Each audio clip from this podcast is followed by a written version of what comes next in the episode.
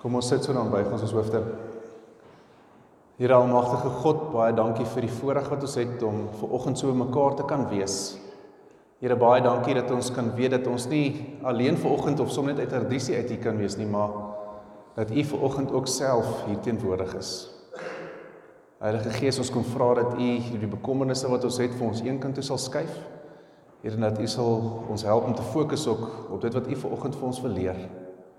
Daar waar ons nou die woord gaan oopmaak, kom vra ons dat U dit vir ons sal oopbreek en dat U ons on, nie onveranderd vir oggend hier sal laat uitgaan nie. Ons vra dit in Jesus se naam. Amen. Goed, ons teksgedeelte vir oggend is 1 Korintiërs 8. En ehm um, voor ek begin met dit, het ek nou eers hierso 'n bietjie bietjie biltong of droewors om uit te deel. Ehm um, dit was nou gister die Springbokke het nou gespeel en dit was lekker. Aanvanklik was ons bekommerd geweest want dit het gelyk asof hulle dit nie gaan maak nie. Ehm um, maar as jy lekker net so 'n stuk parasol breek hom af. En ek moet 'n bietjie groter stuk vat as dit daar. Ons gaan nie vir almal uitdeel nie. Dit is net so een of twee mense wat nou die geleentheid gaan kry. En um, ons was toe nou bekommerd geweest vir 'n rukkie oor oor oor ehm um, oor of hulle gaan wen. Ehm um, ek het die die komment het iemand gemaak om te sê dat dat die Engelse het nou ons spelpatroon uitgevind en hulle is besig om heeltemal teen ons te speel. En ehm um, as hy Johannes Skus ek kan nie vir almal gee nie, nee, dit is nou uh, as jy nou voor vorentoe oor gesit het, dan raak dit nou makliker vir almal wat nou met speel. Maar dit is nou baie relevant ook Net sê. Dit is nou baie relevant vir vanoggend se diens hierdie. So dit is nou nie net omdat ek vrygewig wil wees en wil dit wil uitdeel nie. Ehm um, sê Ja. Hm? Ja. Dit is cholesterol, maar dit is lekker cholesterol. Goed, hierso laastes. OK. Reg, reg. Frik julle daarso nog baie biltong. So die die dis lekker, biltong is lekker, vleis is lekker. Ehm um, as mens nou so rugby kyk, dan wil mens graag bietjie droewors eet en mens wil bietjie biltong eet en drink 'n biertjie en ons biet gebraai dit sien het iemand gebraai hierdie naweek. Ja, nee, ek weet daar is gebraai definitief die naweek ook, nê, nee, en daar's definitief bietjie skaapchoppie of 'n stytjie geëet ook hierdie week, nê. Nee. Nou goed, ek gaan nou nou los daarso dan lees ons nou hierdie teks vanoggend, dan gaan julle nou sien waar dit nou inkom. So om mee te begin, die opskrif hierso 1 Korintiërs 8 is die vraag oor vleis wat aan 'n afgod geoffer is. Nou begin julle al wonder oor hierdie biltong, nê. Nee. Goed. En nou julle vraag oor vleis wat aan 'n afgod geoffer is. Ons weet dat ons almal kennis het. Kennis maak verwaand, maar liefde bou op. As iemand meen hy het kennis van iets, het hy nog nie kennis wat 'n mens behoort te hê nie. Maar as iemand God liefhet, ken God hom. Wat nou betref die eet van vleis wat aan 'n afgod geoffer is, ons weet dat daar geen afgod in die hele wêreld is wat iets beteken nie en dat daar ook geen God is nie behalwe een. En al is daar ook sogenaamde gode of dit in die hemel en of op die aarde is, soos daar trouens baie is wat God en wat Here genoem word, is daar nogtans vir ons net een God, die Vader uit wie alles is en vir wie ons lewe en net een Here Jesus Christus deur wie alles bestaan en deur wie ons lewe. Maar almal het nie hierdie kennis nie. Daar is party van julle wat so gewoond is aan afgode dat hulle nog altyd vleis geëet het asof asof dit 'n offer aan afgod is, aan 'n afgod is. Daardeur word hulle gewete wat reeds swak is, verder beswaar. Wat ons eet, bring ons egter nie nader aan God nie. As ons nie eet nie, verloor ons niks nie. En as ons eet, wen ons niks nie. Maar pas op, ekskuus. Maar pas op dat hierdie vryheid van julle nie vir die die wat swak is 'n aanleiding tot sonde word nie. As jy wat hierdie kennis het in 'n afgodstempel gaan eet en iemand met 'n swak gewete sien jou, sal dit hom nou nie aanmoedig om die vleis as as of afgodsoffer te eet nie dan gaan die swakke verlore deur hierdie kennis van jou en dit 'n broer vir wie Christus gesterf het. Deur so teen die broers te sondig en 'n las op hulle swak gewetes te lê, sondig julle teen Christus. Daarom as ek deur wat ek eet my broer laat struikel, sal ek nooit weer vleis eet nie. ek wil nie my broer se val veroorsaak nie. Goed. So voel julle al skuldig, julle wat daai droewors het, voel jy al bietjie skuldig oor die vleis wat jy nou geëet het? Nee. Goed. Dis reg, julle hoef nie.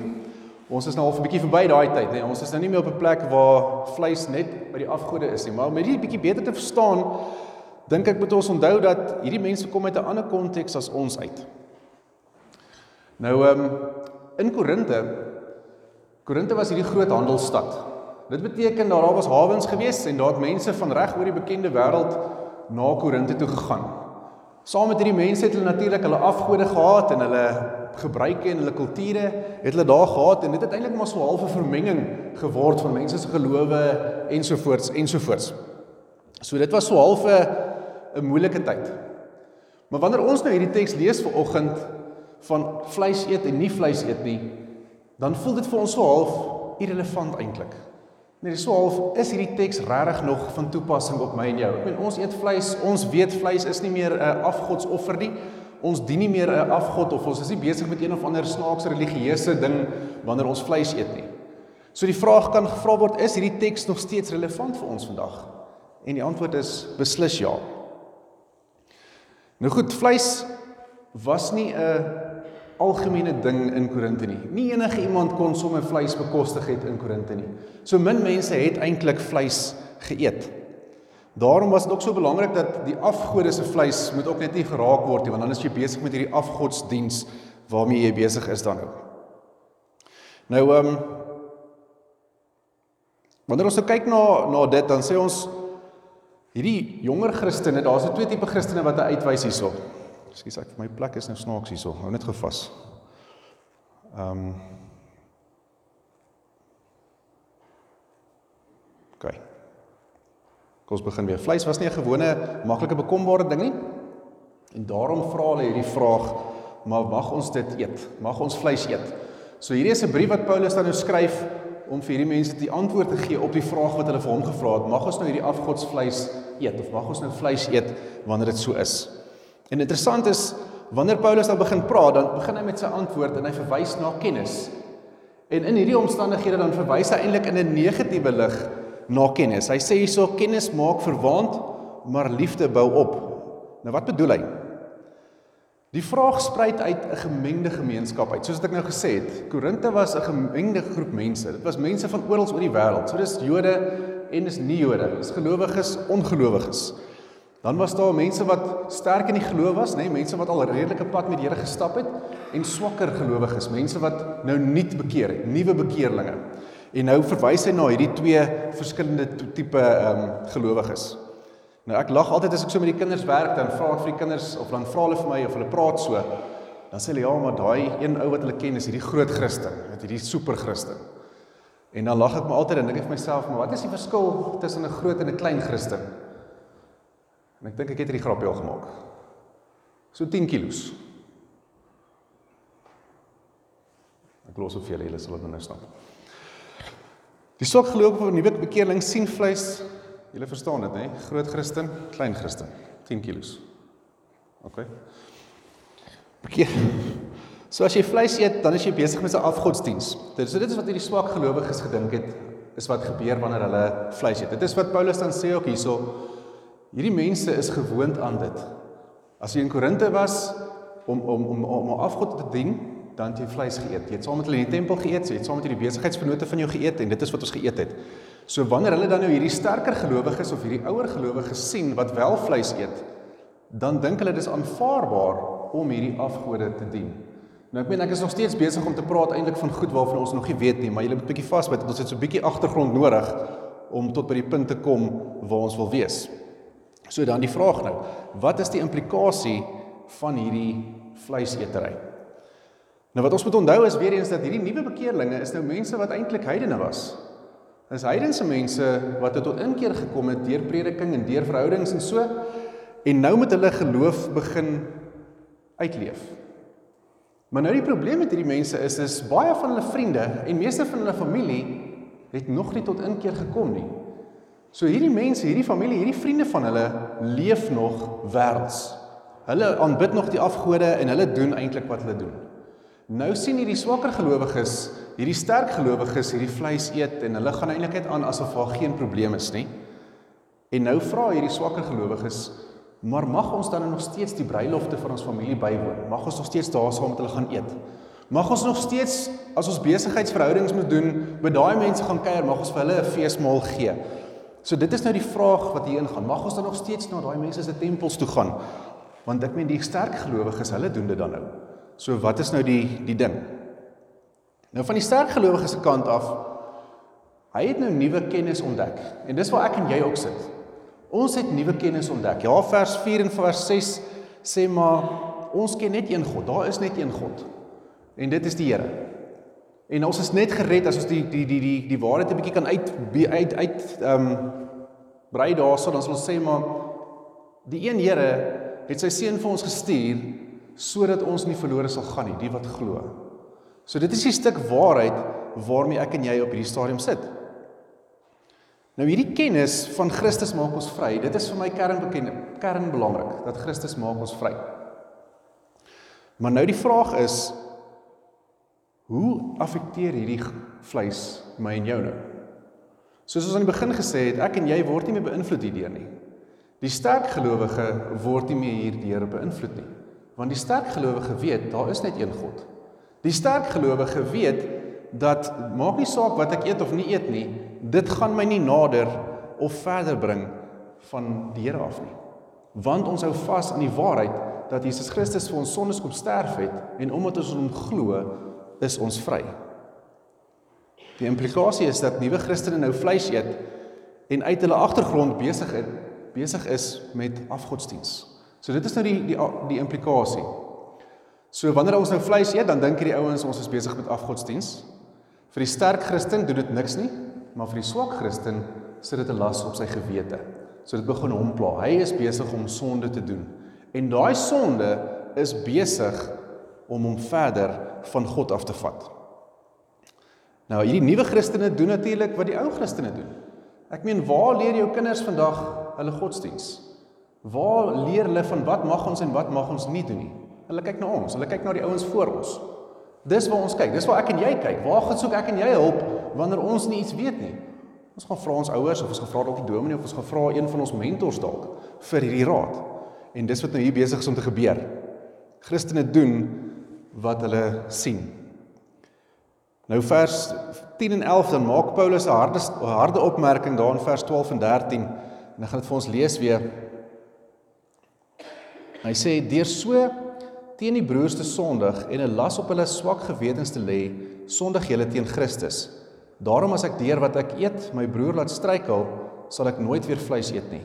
Ek wil nie my broer se val veroorsaak nie. So Paulus lees wat hulle wat hier aangaan. Hy besef wat hier aangaan. En dan sê hy vir die mense, maar weet jy wat as jy besig is om iets te doen wat jou broer gaan laat val, dan moet jy ophou. En dan die hele ding van die vleis. Jong mense daar in Korinte of die jong Christene in Korinte sien dit as 'n afgodsdiens, maar die ou Christene of die ou of die sterk gelowiges sien dit as vleis. Daar's niks snaaks daarmee nie. Maar die implikasie is nou deur hierdie vleis te eet van die ou Christene val hierdie jong ouens en hulle val eintlik terug in hulle afgodsaanbiddery. Want wanneer hulle dit doen, is dit as gevolg van afgodsbedry. Dis nie 'n nie 'n ding soos wat hierdie ouens want hulle is nog nie hulle het nog nie die kennis, hulle verstaan nog nie heeltemal daai ons is vry nie. In kort wat hierdie gebeur is sterk Christene met die waarheid ehm um, gebruik hulle vryheid om vleis te eet wat aan afgode geoffer moet word. Die implikasie is dat swakker Christene dink dat dit oukei okay is om vleis te eet. Maar die verskil is hulle eet die vleis dan as 'n afgodoffer en hulle gewete word belas waar die sterk Christen niks oorkom nie. Nou Paulus stry dan teen hierdie gebruik van kennis om hulle self te regverdig om vleis te eet. So dit is wat hierdie sterk ouens nou doen en dit is wat ons ook baie doen. Ons het nou kennis gekry van ons is vry.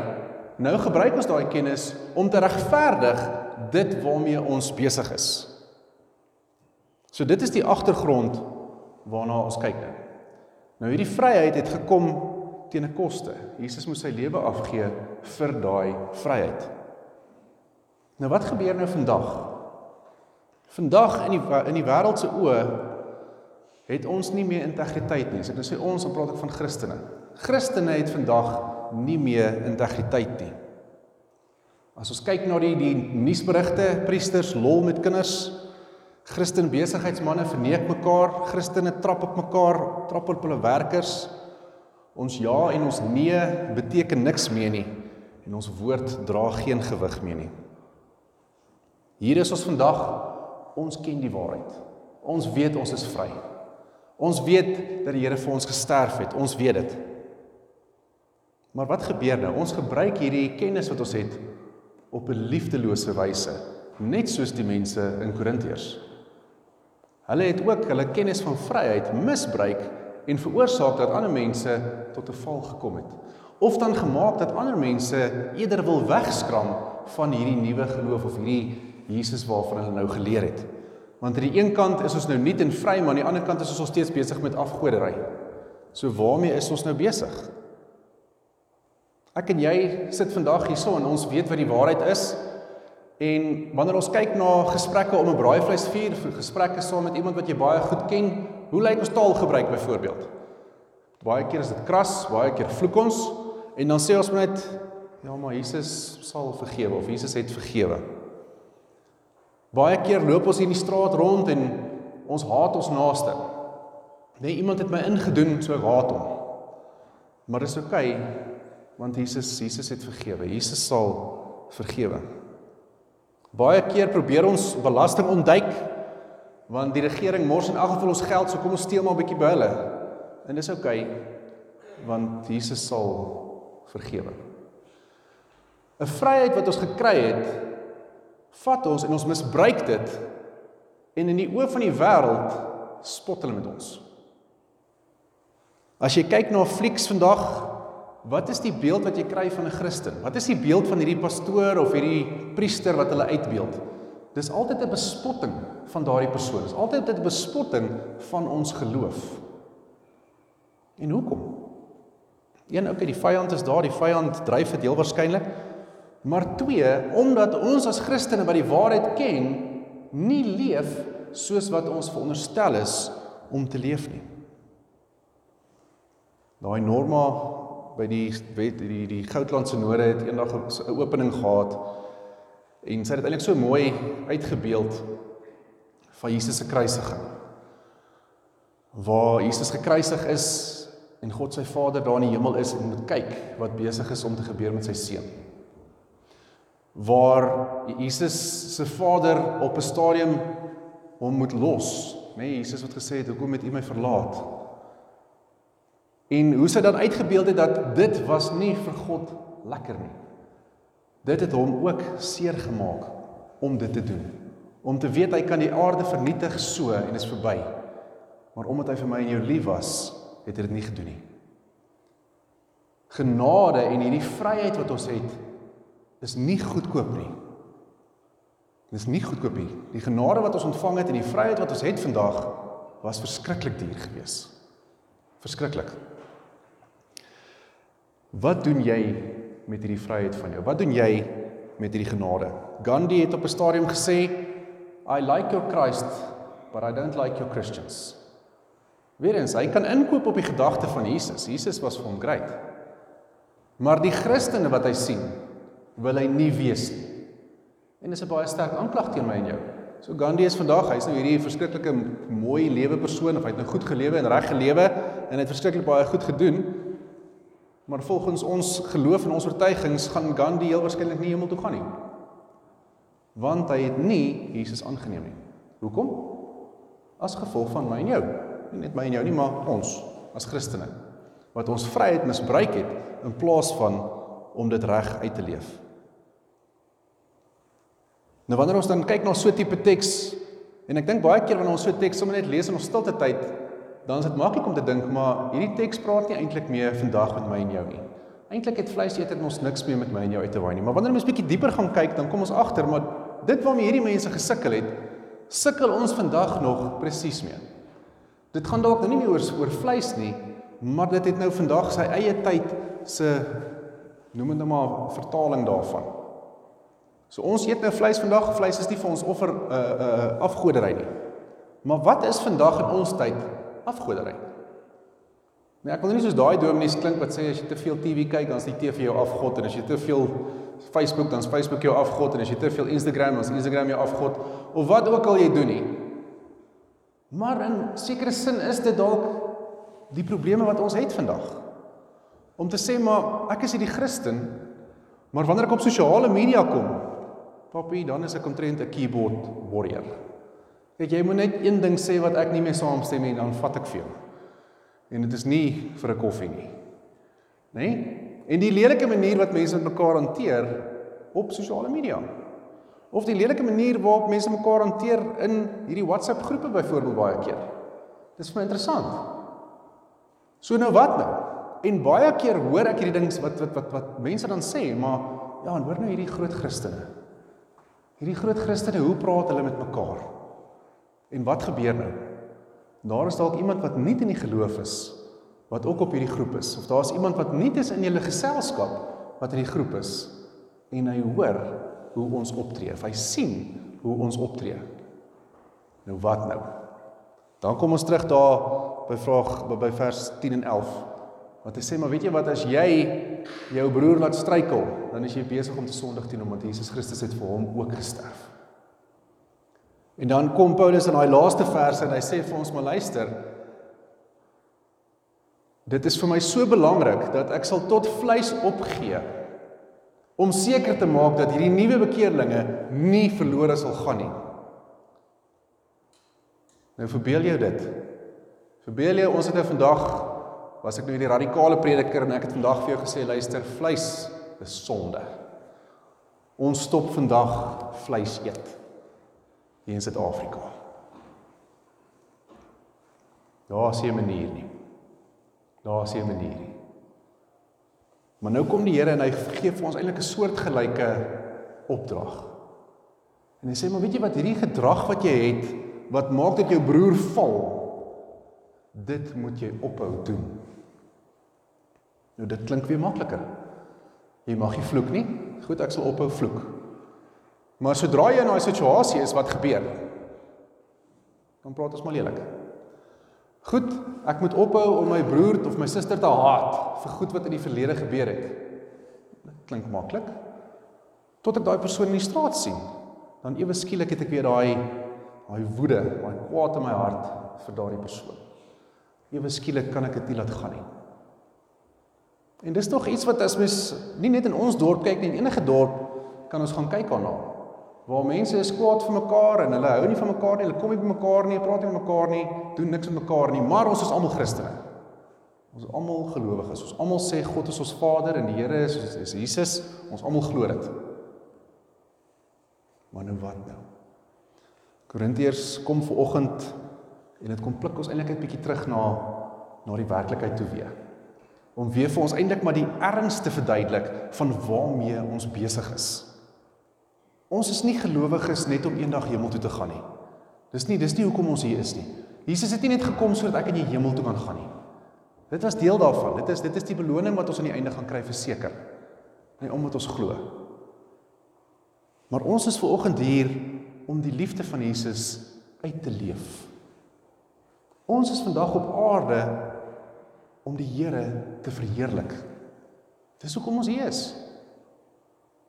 Maar is ek en jy besig om die Here te verheerlik? En Paulus kom sê hierso vir ons dit is sy grootste hartsbegeerte. Weet jy wat as hy moes opgehou vleis eet het sodat iemand anders nie moet val nie, dan stop hy daarmee. Dit is sy grootste begeerte want daardeur verheerlik hy God. Dis hoe belangrik dit vir hom was. En dan dink ek baie keer aan ons as Christene. En ek praat met myself ook, nee.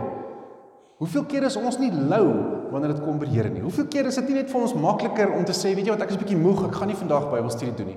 Ek is bietjie moeg vandag, ek gaan nie kerk toe gaan nie. Ek is bietjie moeg, dis koud. Ons kan nie kerk toe kom nie.